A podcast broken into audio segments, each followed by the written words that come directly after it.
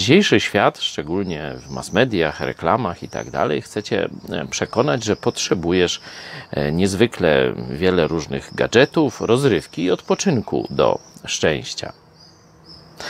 Ale kiedy nad tym myślę, przychodzi mi do głowy całkiem inny opis z Biblii. Jezus, kiedy mówił o ludziach, mówił, że dobrze będzie, jeśli Pan powracając, zostanie ich przy pracy.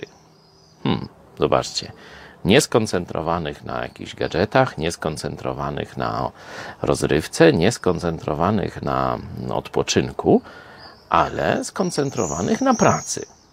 Że to jest właśnie według Boga coś dobrego, że to będą ci szczęściarze, których Bóg zastanie przy pracy. Hmm, warto się nad tym trochę zastanowić, że to właśnie praca rozumiana niekoniecznie jako rąbanie drzewa, ale jako służenie Bogu jest tym, co nam daje szczęście tu na ziemi. Rozrywka jest fajna, odpoczynek jest potrzebny, gadżety ułatwiają życie, ale czym tym, co daje szczęście, jest pełnienie woli Boga, czyli praca dla Niego. Na odpoczynek przyjdzie czas w niebie.